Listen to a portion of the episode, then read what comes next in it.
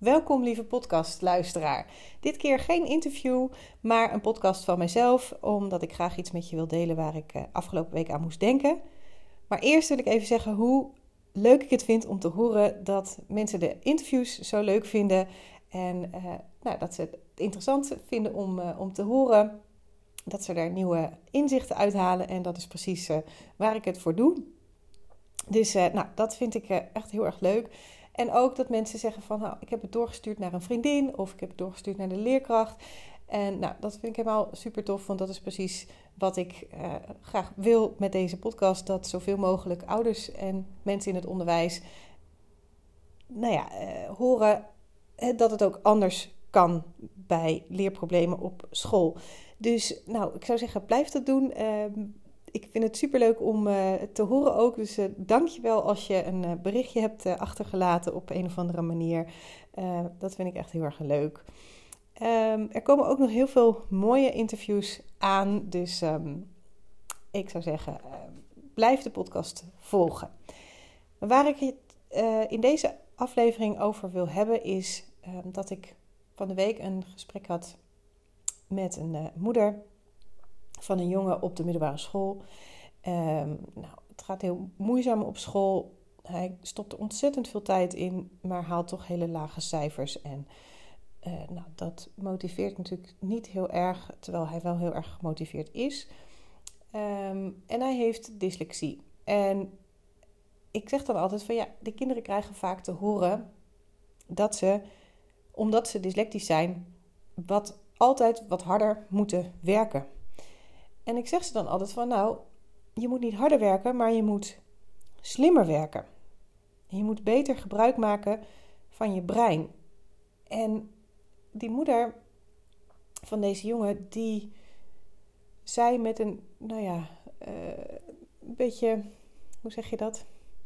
Uh, nou ja, ze voelde zich eigenlijk uh, een soort van schuldig dat zij zeg, uh, ook dat zij tegen haar zoon van hé hey, ja, je zal er gewoon wat harder voor moeten werken.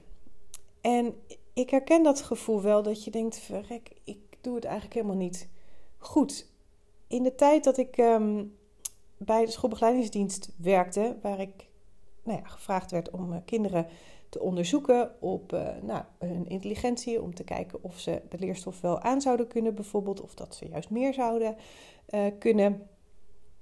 Maar ook de dyslexie onderzoeken of nou ja, kijken waar de onderwijsbehoeften van kinderen liggen. En um, nou, soms kwam daar dus uit inderdaad dat een kind het label dyslexie kreeg. En vervolgens moest ik dat gaan uitleggen aan ouders uh, ja, wat dat dan inhield en uh, wat ze uh, vervolgens konden gaan doen.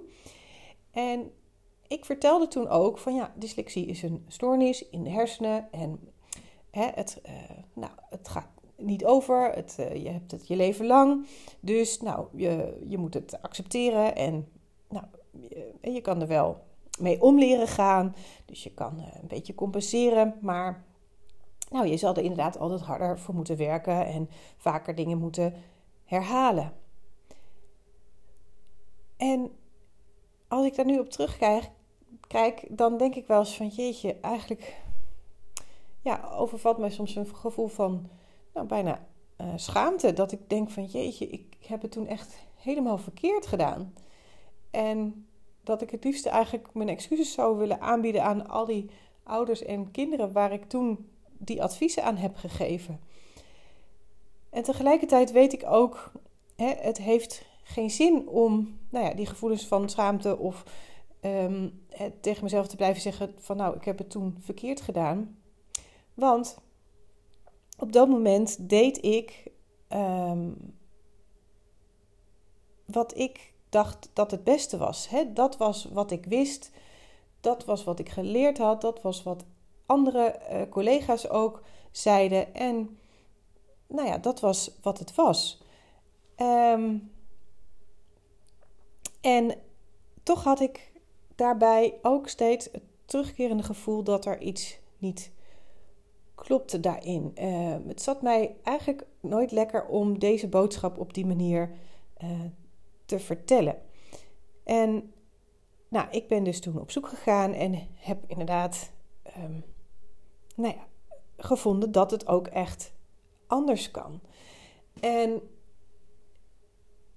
ik wil het liefste dat ouders en leerkrachten uh, ja, hun kinderen meegeven uh, dat zij echt geloven in hun uh, talenten en dat ze daarnaar blijven kijken en um, daar proberen manieren te vinden hoe het wel kan.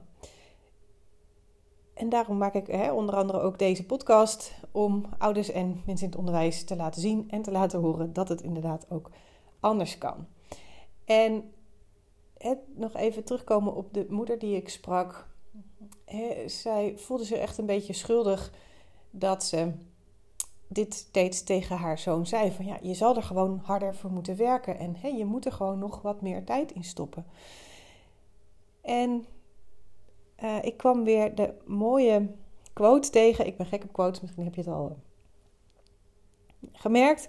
Um, van uh, Maya Angelou. En zij zegt: Do the best you can until you know better. Then when you know better, do better.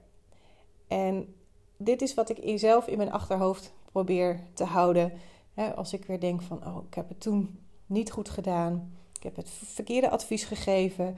Um, maar op dat moment was het wat ik wist. Op dat moment was het ja, wat ik dacht dat goed was. En dat gold ook voor deze moeder. Zij, hè, zij had gelezen over dyslexie en ehm, ook de dingen over gehoord. En dit is wat zij meestal uh, te horen krijgen. Dus dat nemen ze logischerwijs over. En ehm, nou, omdat ik weet dat het anders kan, geef ik dat het liefste op zoveel mogelijk uh, manieren door. dus uh, deze podcast natuurlijk. Uh, in mijn boek schrijf ik erover. En uh, nou, in de praktijk werk ik natuurlijk um, met kinderen op die manier. En um, nou ja, ook in mijn online training, trainingen die ik geef, um, probeer ik ouders en mensen uit het onderwijs zoveel mogelijk ja, inzichten te geven en handvatten hoe ze dat anders kunnen doen. Dus um, misschien heb jij dat ook wel eens, dat je denkt van, oh, ik heb het toen helemaal verkeerd gedaan. wees niet te streng voor jezelf. Op dat moment deed je het beste wat je kon. En um, als je ontdekt dat het anders kan, ga het vanaf dat moment dan anders doen, anders zeggen, anders aanpakken. Um, zodat je uh, dan weer een nieuwe kans hebt om nou ja, andere stappen te nemen. Um, nou, dat is wat ik even met je wilde delen. Um, eigenlijk een, ja, een voorbeeld uh, wat zo langskomt in de praktijk, maar wat wel uh, vaker gebeurt en waar ik ook, uh, nou ja, zelf bij stilsta hoe dat werkt als je nou, steeds weer nieuwe dingen leert. Ik wens je een hele fijne dag en um, binnenkort komt er weer een nieuwe aflevering en dat zal wel weer een interview zijn. Maar laat me ook horen um, wat je van de losse afleveringen of van mijzelf uh, vindt bijvoorbeeld. Dan uh, weet ik of het leuk is om dat af te wisselen of uh, dat jullie uh, als luisteraar de voorkeur hebben voor de interviews. En mocht je ook nog suggesties hebben voor gasten die ik zou kunnen interviewen, laat het me weten. Dan uh, kan ik die benaderen, zodat zij ook hun kennis uh, en ervaringen in de podcast kunnen delen, zodat andere ouders en leerkrachten, docenten en andere mensen die met kinderen werken, daar ook weer profijt van kunnen hebben. Dankjewel voor het luisteren.